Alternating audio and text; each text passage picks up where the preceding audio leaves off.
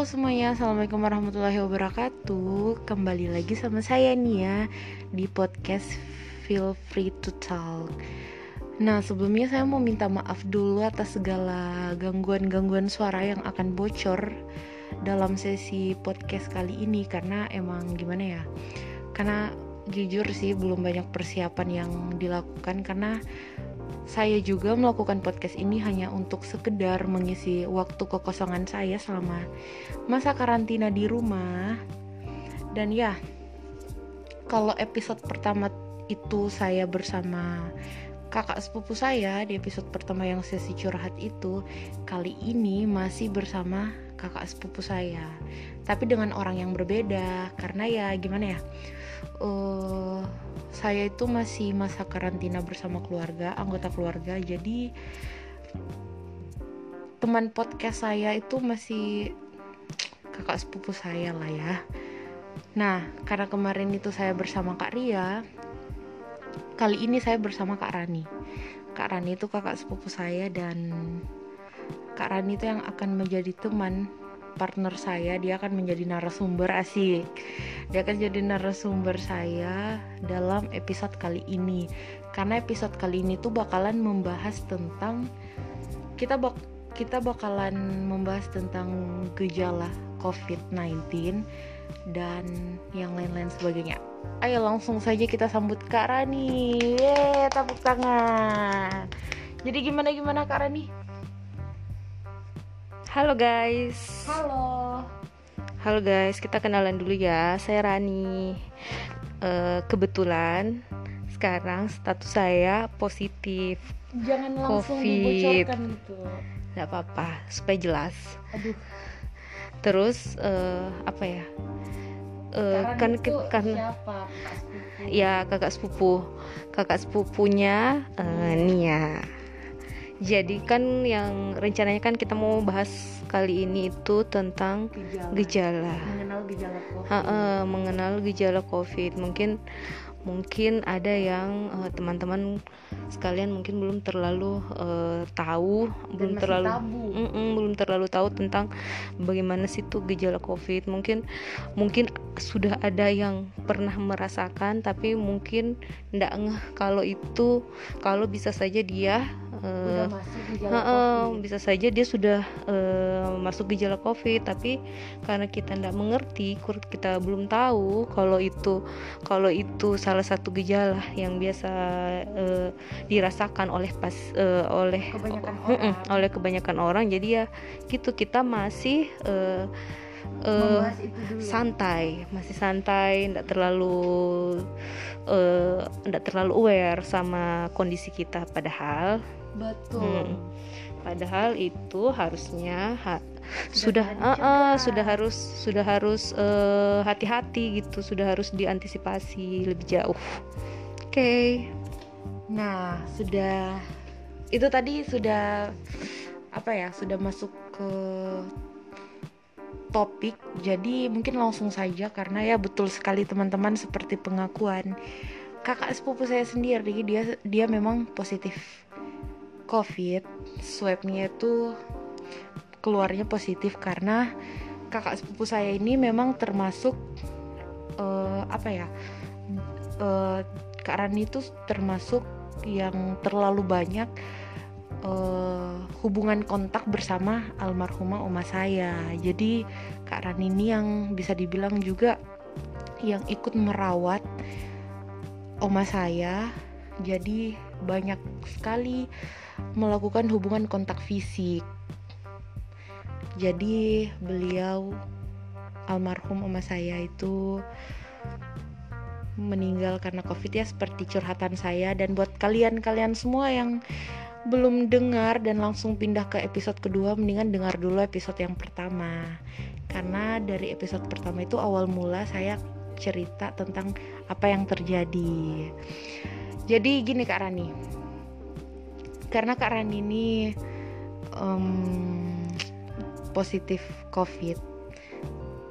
Jadi gimana ya mulainya tuh harus bagaimana? Dari dari apa yang Kak Rani rasakan sebelumnya sebelum Oma itu kena covid sebelum Oma dinyatakan positif covid apakah Kak Rani itu sudah merasakan gejala-gejala yang yang salah satu gejala dari bagian covid karena kan tadi Kak Rani bilang mungkin banyak orang di luar sana yang merasakan uh, merasakan hal aneh atau sakit tapi masih bersikap biasa saja karena memang pemahamannya dan memang pengetahuan kebanyakan orang yang masih tabu dan masih awam tentang gejala dari positif dari COVID-19 ini.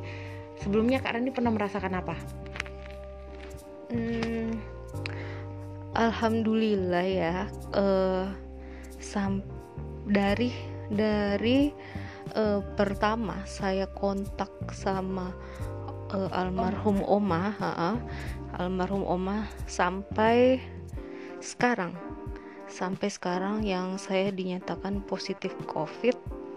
Alhamdulillah gejala ge, uh, apa sih gejala yang saya rasakan itu? Cuma uh, diare. Sempat diare pada saat uh, sehari setelah oma saya meninggal. Saya sempat diare beberapa hari tapi alhamdulillah setelah itu uh, normal kembali hanya itu hanya itu gejala yang saya rasa dan uh, saya saya saya tidak yakin juga maksudnya itu apakah itu uh, diare ha, diare diare yang saya alami itu itu karena uh, gejala covid atau memang karena saya uh, mungkin ha, diare pada umumnya mungkin salah makan atau apa. Cuma yang saya tahu kalau gejala covid itu selain diare itu biasanya itu diawali dengan uh, demam dan uh, letih rasa kelelahan biasanya orang. Kadang juga batuk. Tunggu tunggu potong dulu. Ini rasa kelelahannya itu apakah berbeda dengan rasa kelelahan orang kalau semisal kecapean? Ya biasa aja maksudnya kalau lagi sibuk kerja atau gimana kecapean cuman butuh istirahat atau rasa letihnya ini berbeda? Aduh ada suara motor rasa letihnya ini berbeda kayak gimana ya badan apa apa yang dirasakan letihnya itu kayak benar-benar capek sakit atau gimana? Iya jadi, jadi itu uh, gejala gejala awal covid itu biasanya uh, diawali dengan demam dan rasa lelah. Rasa lelahnya ini rasa lelah yang uh, meskipun maksudnya rasa lelah yang tiba-tiba ha, ha, kita kita bisa saja tidak lagi ngapa-ngapain tidak lagi kerja berat tapi tiba-tiba kita eh, kondisi kita agak ngedrop. Tiba-tiba ya. tiba-tiba ngedrop uh, demam terus badan rasanya kayak pegal sekali kayak gitu. Tidak bisa tidak bisa bikin apa-apa lemas. Hmm. kadang juga disertai batuk kering. Nah itu kalau ada kalau kalian ngerasain hal yang kayak kayak gitu itu jangan anggap uh, sepele ya. Maksudnya harus aware Langsung harus melakukan sebuah tindakan. Maksudnya harus harus uh, jangan biasanya kan karena gejala covid ini dia mirip dengan gejala flu. Kadang kalau gejala flu biasa kan biasanya demam atau hidung tersumbat atau apa kayak kadang orang merasa dia itu cuma mungkin biasa, -he, biasa dia, dia ngerasa cuma dia uh, flu biasa. Padahal bisa jadi itu gejala awal kalau dia terpapar virus covid. Jadi harus hati-hati jangan memperhatikan. Uh, apalagi kalau sampai beberapa hari kan kalau flu kalau ke uh, kalau flu itu biasanya uh, tiga harian begitu kalau kita uh, istirahat kalau kita anu dia sembuh. ha -ha, kita uh, minum obat istirahat biasanya dia sudah agak sembuh.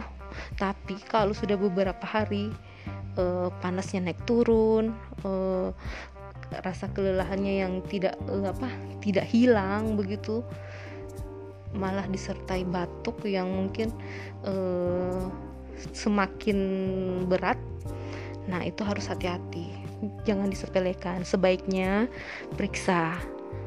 Dan langsung, dan langsung uh, mengambil tindakan. Tindakan yang gimana ya tindakan-tindakan uh, tindakan -tindakan yang diajarkan protokol covid. Semisal pakai masker. Itu paling basic dan paling pentingnya tuh pakai masker kalau kita sudah merasa sedikit uh, sakit apalagi flu itu pakai masker ya secepat mungkin dan menghindari kontak sama orang-orang lain. Karena kan iya harus antisipasi. Karena kan kasihan orang-orang lain yang bisa kena juga. Nah uh, itu tadi sudah termasuk beberapa gejala dari COVID gejala awal ya. itu gejala awal. Jadi itu tadi gejala awal yang yang gejala-gejala yang bakalan dirasakan kalian-kalian uh, kalau terkena COVID. Bisa, bisa bisa saja kalian ngerasa kayak mau flu atau kayak mau tipes. Nah itu harus hati-hati.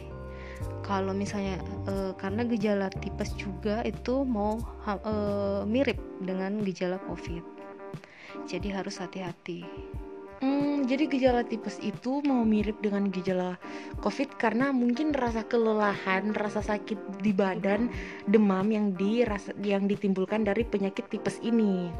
Karena 11 12 ya sebenarnya bukan cuma flu doang. Uh, tapi karena apa ya? Itu tadi gejala-gejala umumnya, tapi saya itu mau bertanya nih uh, sama pasien COVID aduh gimana ya? Nggak enak sih kak Ran ngomongnya. Cuman begini yang saya herankan itu uh, sebenarnya di antara anggota-anggota keluarga kita semua yang positif COVID termasuk Kak Rani dan beberapa anggota keluarga saya yang lain yang positif COVID itu merasakan gejala yang berbeda. Merasakan gejala yang berbeda itu yang pertama dan yang kedua gejala-gejala yang dirasakan juga itu sebenarnya sama semua tapi lebih ke lebih ke tidak berurutan. Semisal uh, semisal si A positif si B positif si C positif.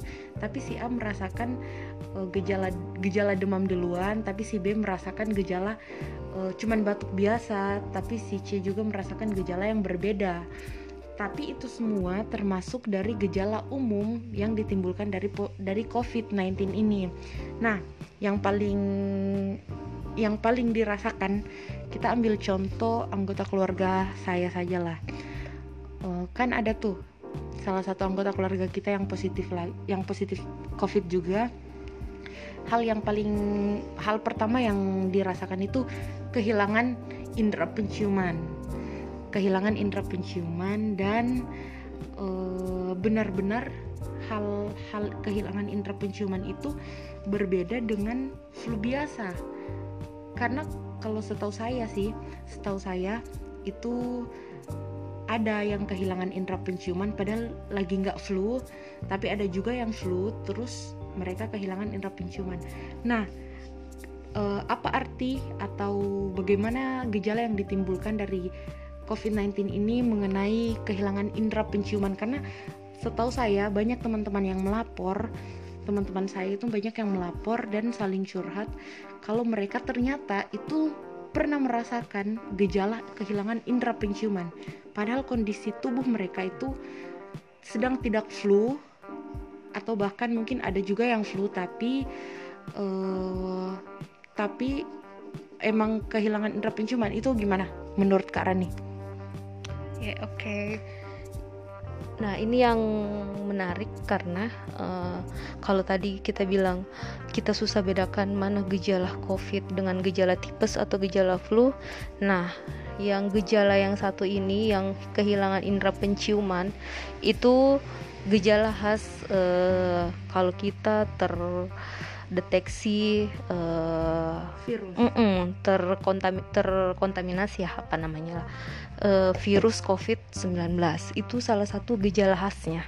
Ketika uh, kita tidak bisa mencium bau parfum yang begitu harum atau bau minyak kayu putih mungkin yang tajam. agak mm -mm, agak menyengat agak tajam dan itu uh, kita tidak bisa mencium bau itu maksudnya baunya itu sama saja semuanya meskipun bau, bau parfum bau minyak kayu putih atau bau apa pun yang biasa agak menyengat dan kita tidak bisa mencium bau itu. Nah hati-hati. Itu biasanya gejala khas ke pasien yang terkonfirmasi positif COVID. Itu gejala khas. Jadi kalau misalnya dan biasanya eh, biasanya itu dia eh, kalau kalau sudah eh, sampai di tahap itu biasanya dia sebelumnya sudah pernah demam biasanya sudah uh, sudah pernah demam atau mungkin sudah melewati fase awal yang awal sekali yang demam kah yang gejala umum, gitu yang ya. gejala umum yang demam uh, eh, letih kelelahan rasa pegal biasa. ha-ha. nah bisa jadi setelah itu gejala berikutnya yang ia rasakan adalah eh, kehilangan indera penciuman dan kadang juga eh, indera perasanya juga Nah, ini nih yang bakal indera perasanya juga kadang eh, agak hilang begitu. Jadi kalau kita makan sesuatu itu kayaknya hambar gitu. Nggak ndak ada rasa heeh, ndak ada rasa makan ndak ada rasa makanan apa pun dan ndak ada bau apa pun yang bisa yang heeh, yang kita cium. Jadi kalau sudah pada sudah sampai pada tahap itu kalian harus swab. Harus karena kemungkinan besar kalian positif, positif. covid. Aduh sangat disayangkan. Ya ini gini teman-teman mungkin kalian yang mendengar ini mungkin ada yang berpikir kali aja ada yang berpik- berpikir kok saya bersama kakak sepupu saya bisa ngobrol padahal beliau ini positif covid tapi kenapa masih bisa eh, ketawa-ketawa? Masih bisa ketawa-ketawa atau gimana? Karena begini guys dari awal kita menghadapi virus ini sam- sampai oma kita juga jadi korban itu kita sudah melewati banyak fase dan perasaan campur aduk nangis sampai senangis nangisnya atau gimana. Itu kita sudah sudah merasakan itu semua.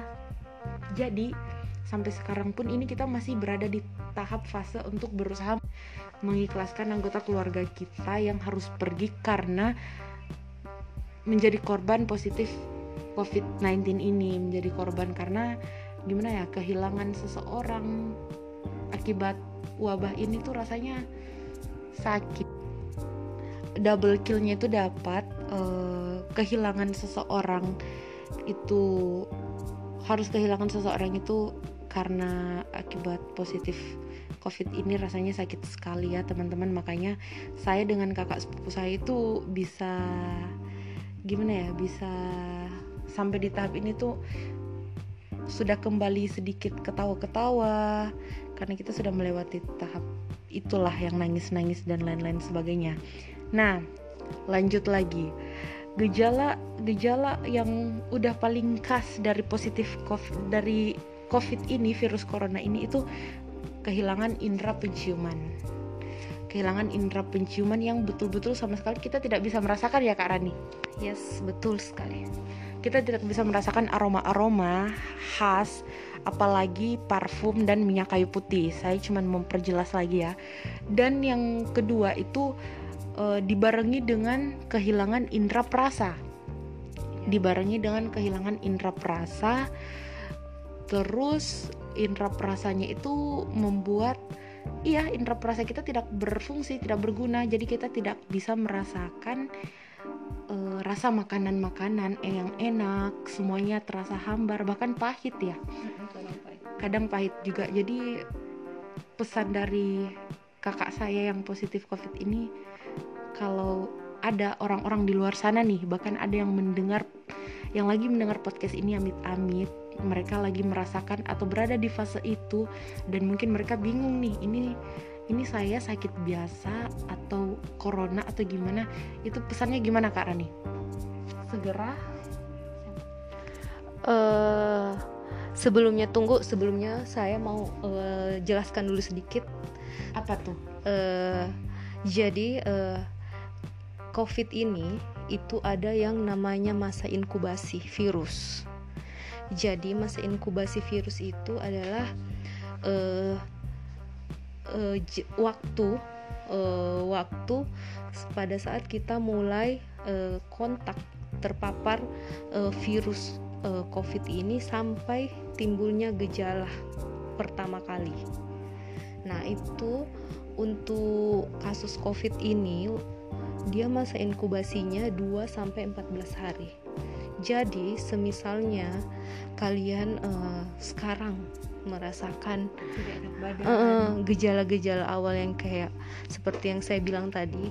Nah, bisa jadi itu karena kalian telah berkontak dua hari yang lalu atau Heeh, lah. beberapa hari yang lalu dengan eh, seseorang yang positif COVID bisa jadi tapi kalian mungkin eh, nggak Belum tahu, tahu. heeh. atau bahkan ada kalian sudah ketemu sama orang di luar sana yang kalian sendiri tidak tahu kita sama-sama tidak tahu bahwa orang ini yang membawa virus corona di dalam tubuhnya. Karena gejala yang ditimbulkan dari virus ini tidak langsung membuat seseorang itu sakit. Bahkan ada kategori yang orang tanpa gejala kan lanjutkan.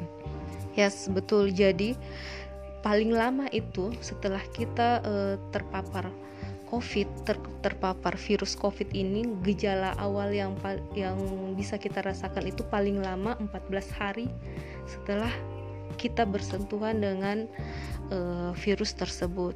Jadi kalau misalnya eh, sekarang sekarang Anda eh, misalnya berkontak dengan seseorang yang dinyatakan positif bisa jadi kalau anda swab besok hasilnya masih negatif tapi bisa eh, jadi. eh, bisa jadi negatif bis. Tapi dua dua hari atau tiga hari kemudian lima hari kemudian baru anda merasakan kayak demam gejala-gejala gejala-gejala awal. Nah itu anda harus hati-hati.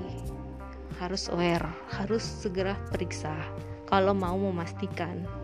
Kayak gitu. Terus apalagi ya? Eh, selain gejala-gejala awal yang tadi saya bilang itu sampai di tahap ke gejala khas Heeh, yang gejala khasnya itu ya kehilangan penciuman, indera penciuman dan perasa. rasa Pada tahap yang lebih berat biasanya terjadi sesak napas. Sesak napas yang eh, tidak biasa, maksudnya yang batuk, kadang batuk juga. Tapi yang eh, yang lebih berat itu kalau dia sudah sampai sesak napas. Nah, kadang pada kondisi begitu harus segera ke rumah sakit karena Anda butuh oksigen. Nah, eh, jadi eh, ada gejala khas lagi eh, pada tahap ini pada pada biasanya pada pasien yang tanpa gejala. Nah, itu ada gejala ada satu gejala yang kita harus waspada. Kadang orang tanpa gejala kan merasa sehat, tapi ada gejala yang namanya happy hipoksia.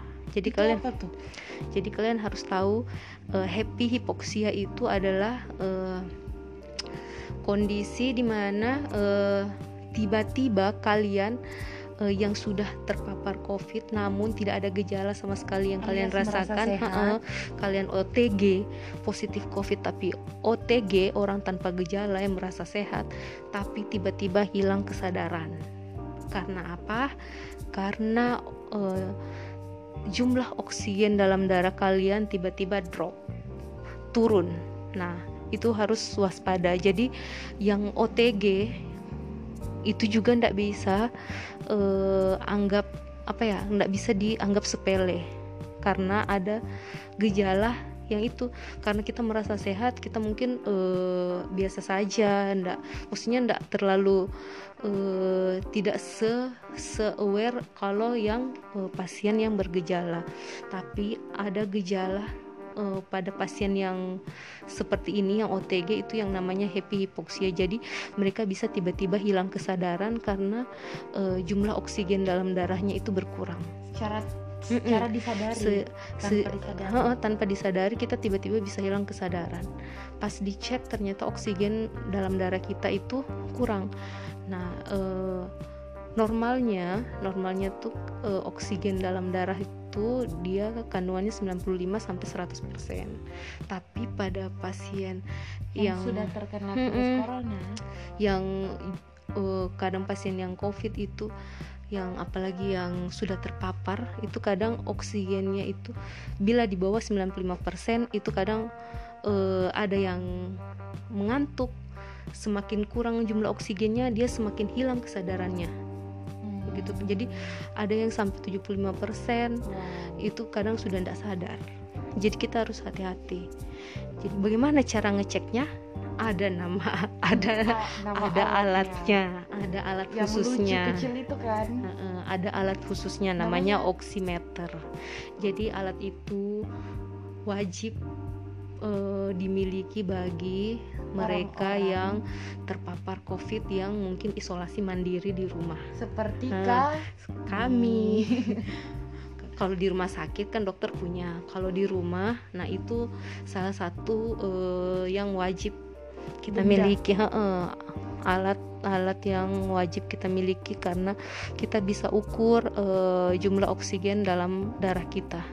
Jadi kapan kita merasa agak sesak bisa jadi jumlah oksigen dalam darah kita juga agak turun atau kita merasa kayak eh, selalu mengantuk kayak Pusing. Heeh, pusing kayak maksudnya pikiran eh apa oh iya ada lagi gejala terbaru Oh, ini yang paling yang lagi rame nih diobrolkan di masyarakat katanya ada gejala yang baru muncul dari yang ditimbulkan COVID-19 ini. Gejala barunya apa tuh Kak Rani? Kak Rani tahu?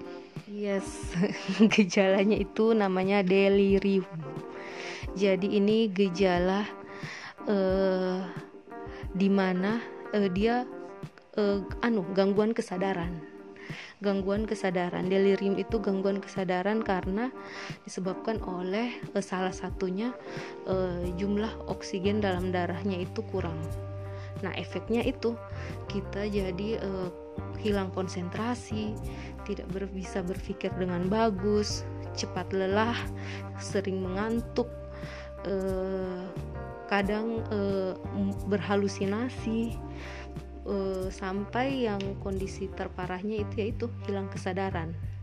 Nah, seperti itu. Jadi gimana ya? Cukup cukup rumit sih untuk dimengerti buat orang-orang awam di luar sana apalagi kita yang sudah jelas-jelas eh, sudah menghadapi di depan mata ya sama pasien covid atau kita sendiri pun Kak Rani sendiri pun yang positif covid. Jadi sebenarnya semuanya itu eh, berurut dari gejala. Apa yang pertama yang kehilangan eh, tiba-tiba bisa kehilangan kesadaran itu aki yang diakibatkan karena oksigen dalam tubuh kita berkurang dan tahap selanjutnya itu ini gejala baru yang membuat kita Bisa sampai berhalusinasi. bisa sampai berhalusinasi bisa sampai eh, tidak ada apa ya tidak ada kesadaran kalau yang gejala sebelumnya itu membuat kita bisa saya tiba-tiba pingsan ya. Tiba-tiba pingsan dan yang dan yang gejala barunya ini membuat kesadaran kita itu terganggu. Membuat kesadaran kita tidak normal.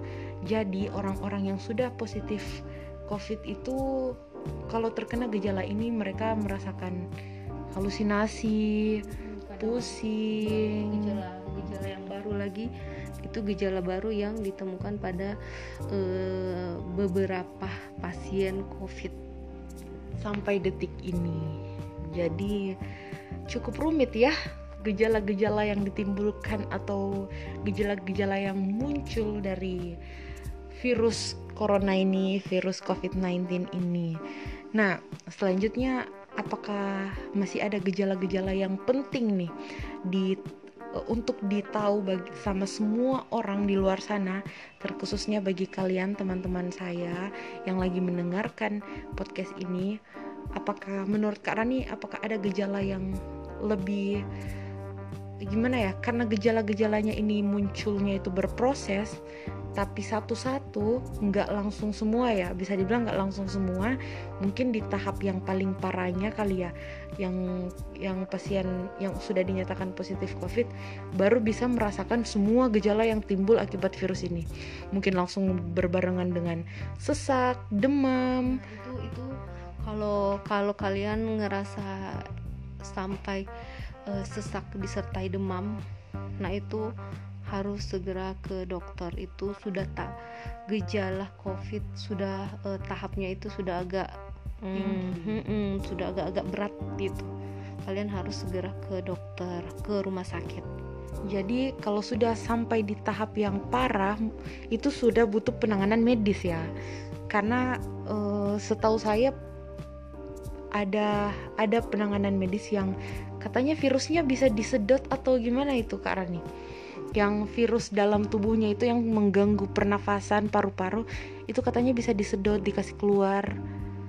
Uh, kalau kalau virus sih setahu saya kalau disedot dia ndak bisa ya. Maksudnya kalau disedot kalau virus dia ndak bisa disedot. Mungkin kalau misalnya kalian yang sesak napas itu kemungkinan besar kadang uh, uh, biasanya ditemukan cairan di paru-parunya. Nah cairan ini juga yang biasa membuat kita kayak sesak napas kalau uh, terlalu banyak cairan di paru-paru. Nah cairan itu biasanya yang disedot keluar supaya uh, agak paru-parunya bisa bekerja dengan bagus gitu. Jadi cairannya yang disedot. Karena kalau virusnya itu kita tidak tahu itu virus di mana virusnya ndak kita ndak bisa lihat dia di oh, mana oh, jadi. salah ya? Jadi kalau sedot virus kayaknya enggak sedot lemak iya. Oh sedot lemak beda cerita. Itu kan buat yang oke lanjut. Jadi karena saya salah ternyata yang disedot itu ternyata cairan yang berada di dalam paru-paru yang seharusnya tidak ada. Dan jumlahnya berlebih jadi paru-paru itu yang berisikan virus juga kan nggak salah saya virus juga yang mengganggu pernafasan tubuh kita jadi itu yang harus dikeluarkan biar paru-paru kita bisa berfungsi dengan baik karena cairan-cairan itu muncul hanya pada uh, pasien covid yang sudah tingkat tinggi Oke. Okay. pasien yang uh, yang punya riwayat uh, penyakit sistemik, penyakit sistemik itu seperti diabetes, uh, jantung, atau dia punya sakit paru-paru, pneumonia, atau sakit uh, hipertensi. Nah, biasanya yang mengalami itu itu yang uh, lansia. Makanya kenapa harus aware kita harus aware karena yang muda-muda uh -uh, yang muda-muda ini harus aware karena kalian bisa saja tinggal bersama orang tua bersama uh, nenek nenek, uh, uh, nenek kalian. Kakek jadi kalian anak bayi juga. Uh, uh, anak bayi juga. Jadi kalian harus hati-hati gitu. Ya. Gitu. jadi pesan gimana ya? Jadi uh, catatan yang paling penting buat kita semua tahu, kita semua sadari bahwa kita yang muda-muda ini yang harus lebih memperhatikan segala protokol COVID, harus menjaga kebersihan karena yang gimana ya, ini menyangkut bukan cuma nyawa sendiri tapi menyangkut nyawa orang lain juga.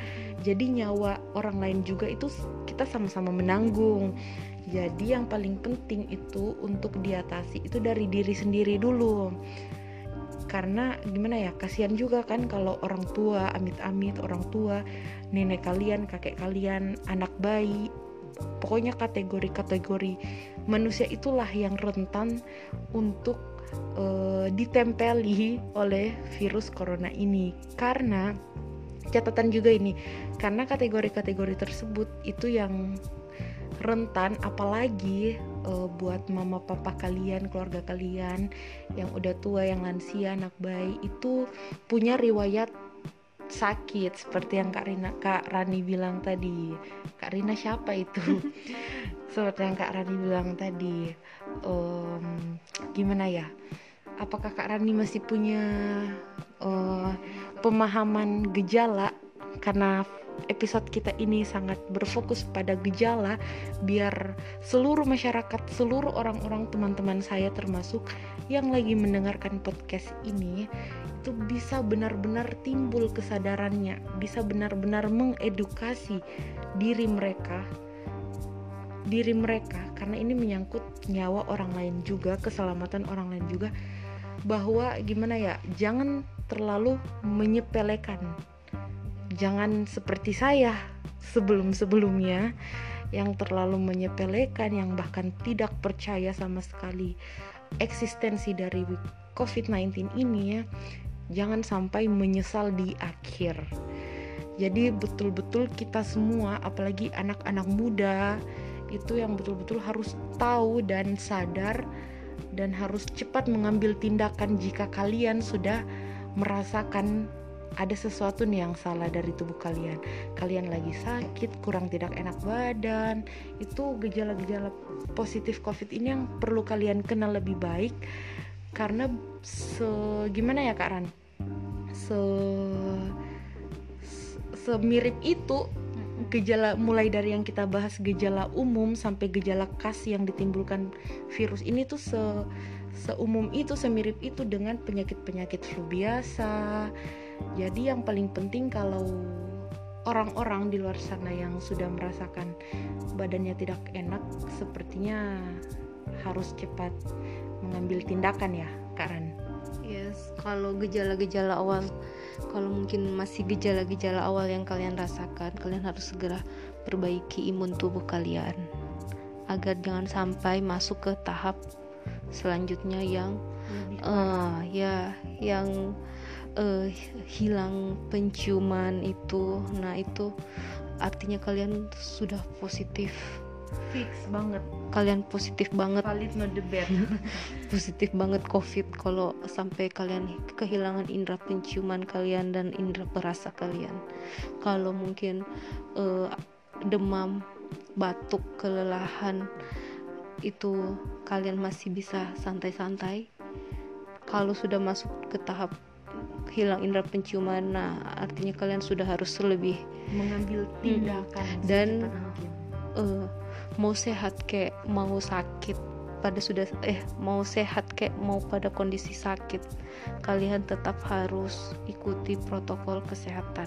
Tetap pakai masker. Karena apa? Karena penyebaran, uh, penyebaran virus covid itu dia berasal dari uh, air liur dan uh, saluran nafas dan saluran rongga mulut kalian. Makanya kenapa kalian selalu disuruh pakai masker pakai masker pakai masker. Enggak sih aku agak emosi soalnya saya agak emosi. Disuruh pakai masker saja susah.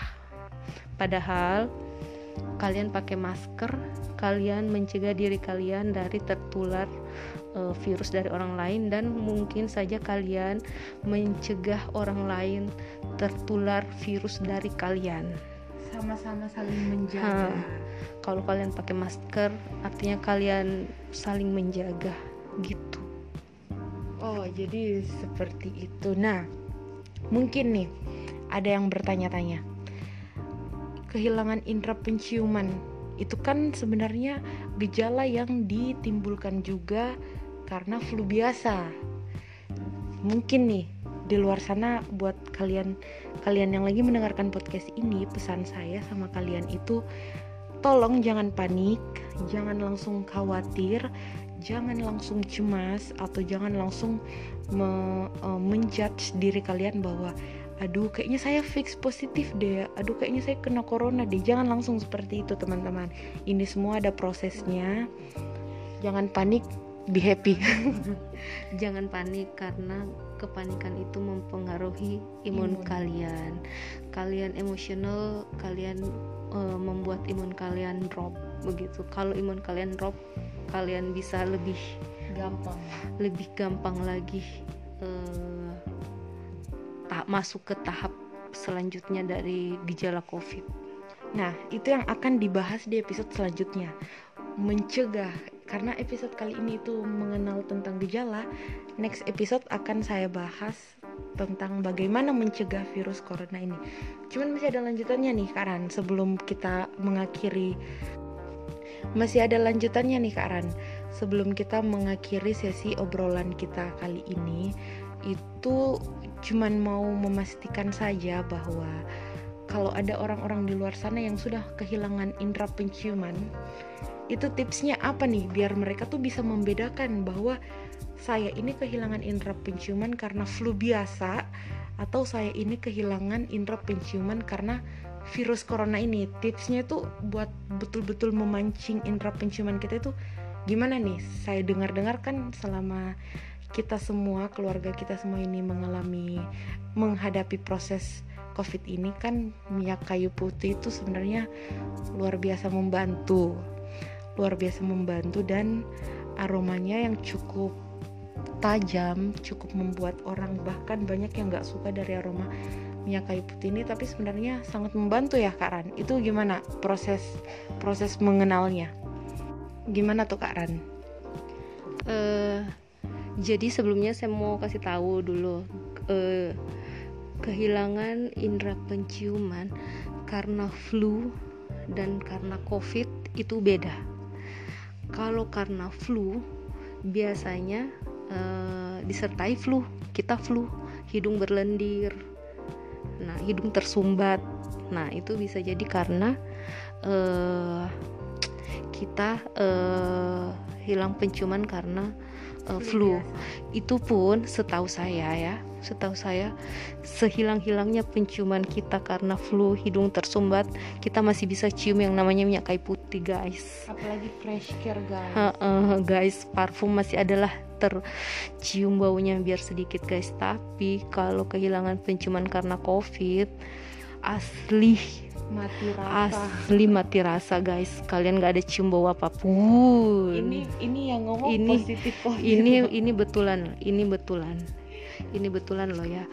Jadi kalau yang positif kehilangan penciuman karena positif covid itu dia bisa saja uh, uh, tidak disertai batuk tidak lagi flu tapi tiba-tiba dia tidak bisa mencium bau apa pun. Dan betul-betul tidak mencium bau apa pun.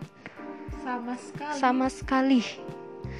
Kalau flu biasa itu kalau hidung kalian tersumbat kalian masih bisa cium minyak kayu putih kalian masih bisa cium. Adalah. tapi uh -uh, tapi kalau kehilangan penciuman karena covid betul-betul hilang guys. Hilang. Parah parah. Uh -uh. terus tipsnya bagaimana? Tipsnya gimana nih untuk mengatasi yang bagian intra penciuman dulu? Kita jangan membocorkan semuanya karena bakalan berlanjut di episode selanjutnya. Uh, tipsnya uh, sedikit saja ya karena ini nanti akan dibahas panjang lebar di podcast selanjutnya jadi uh, salah satunya itu selain eh jadi banyak dong salah satu satu aja satu aja uh, mau yang mana nih? penciuman. Oh bisa pakai uh, minyak kayu putih guys. Simple minyak kayu banget, simple banget. Minyak kayu putih. Jadi kalian gulung. Jadi kalian buat gulungan tisu yang muat di hidung kalian. Nah, nanti di gulungan tisu itu kalian kasih minyak kayu putih sebanyak-banyaknya saja guys, tidak apa-apa. Sampai basah. Sampai basah. Dan masukkanlah ke hidung kalian. Tarik nafas panjang. Buang. Hirup, hirup sedalam-dalamnya aroma minyak kayu putih meskipun kalian tidak mencium bau apa pun. Tapi hirup saja. Ya betul. Hirup saja. Yakin saja sering-sering saja kalian ulangi-ulangi hal tersebut. Insya Allah nanti kembali lagi indera penciuman kalian. Ya itu sedikit. Masih banyak lagi tips-tipsnya yang lain. nanti ya di podcast selanjutnya dibahas apa ya nih e, perawatan, pen, perawatan penanganan. penanganan hmm. untuk mencegah covid ini. Jadi saya mau memperjelas sedikit dari pembahasan yang sudah dijelaskan Kak Rani tadi. Jadi pada saat kalian itu mau mengetes intra penciuman kalian ini berbeda dengan flu biasa, apalagi uh, dengan virus corona itu Karadi tadi kan mengajarkan kita untuk menggulung tisu, mengambil selembar tisu, menggulung dan dibasuhi dengan minyak kayu putih. Kemudian dimasukkan ke dalam hidung kita, lubang hidung kita. Memang seperti itu caranya, ini bukan main-main. Terus uh, hirup aromanya, tarik nafas dalam-dalam, dihirup aroma minyak kayu putih tersebut sampai perasaan ada perasaan kalian yang timbul bahwa kalian masih bisa mencapai aroma minyak kayu putih itu walaupun sedikit. Tapi kalau benar-benar kalian sudah tidak bisa merasakan apa-apa, apalagi untuk orang normal ya. Kalau orang normal itu mencium minyak kayu putih tajam banget baunya sudah bisa bikin kita bahasa Makassarnya tak sako sudah bikin kita tak sako batuk-batuk karena aromanya tapi ya kalau yang ditimbulkan dari virus corona ini kita biasa saja menciumnya, hmm. tidak mencium bau apa-apa karena gimana ya? Karena ini yang ngomong langsung positif COVID karena memang benar adanya itu juga gejala-gejala yang tertulis secara resmi yang dikeluarkan oleh seluruh dunia terkait virus corona ini. Jadi seperti itu guys perbedaannya dan seperti itu gejala-gejala mulai dari gejala yang umum sampai yang khas yang perlu kita semua tahu, kita semua kenal, kita semua perlu pahami untuk mengedukasi diri kita dan mengingatkan orang lain juga. Jadi seperti itu. Ya, gimana Karan? Sepertinya sudah sangat panjang sesi pembahasan kita sudah lewat 40 menit episode pertama juga seperti itu karena memang kita tidak bisa membuatnya sesingkat mungkin karena gejala-gejala ini berproses jadi kita harus memberitahukan kepada kalian sesuai urutan dan berproses juga tidak main langsung asal sebut jadi seperti itu semoga kalian semua bisa pahami dan ada pembelajaran yang dapat kalian ambil dari podcast saya bersama kakak sepupu saya. Jadi mungkin seperti itu dan gimana ya? Saya nggak bakalan uh, berhenti untuk mengucapkan terima kasih buat teman-teman semua yang banyak mendoakan keluarga saya untuk segera pulih dan bisa kembali beraktivitas seperti biasanya karena memang sekali lagi saya kasih tahu kalian bahwa saya dan keluarga saya sedang berada masa isolasi mandiri di rumah dan kita benar-benar menerapkan dan dan menerapkan dan mengatasi dan melawan virus corona ini sekuat mungkin, semaksimal mungkin dan sesuai protokol Covid yang diajarkan kepada kita. Jadi seperti itu, mohon maaf atas gangguan-gangguan suara yang bocor karena memang ini sangat ala kadarnya. Jadi saya ucapkan oh, terima kasih dan jangan lupa pakai masker dan cuci tangan, jaga kebersihan. Pokoknya paling basicnya itu kita pakai masker saya di setiap mau uh, ngomong sama orang, mau berinteraksi sama orang, apalagi ber bepergian di luar rumah, mengunjungi tempat ramai, jangan lupa untuk tetap menggunakan masker kapan pun dan di mana pun. Jangan lupa juga untuk selalu cuci tangan, membawa hand sanitizer ke mana-mana setiap kalian itu sudah merasa memegang banyak hal atau bahkan bersentuhan dengan orang lain. Jangan lupa pakai masker dan itu ya uh, menjaga kebersihan cuci tangan dan lain-lainnya. Jadi saya ucapkan terima kasih buat para pendengar yang sudah mendengar sampai sejauh ini dan jangan lupa ya untuk selalu menunggu eh, episode-episode selanjutnya karena ini bakalan sedikit panjang dan akan bersesi lagi. Jadi sampai jumpa dan terima kasih. Dadah Kak Rani dulu dong. Bye. Dadah. Bye bye.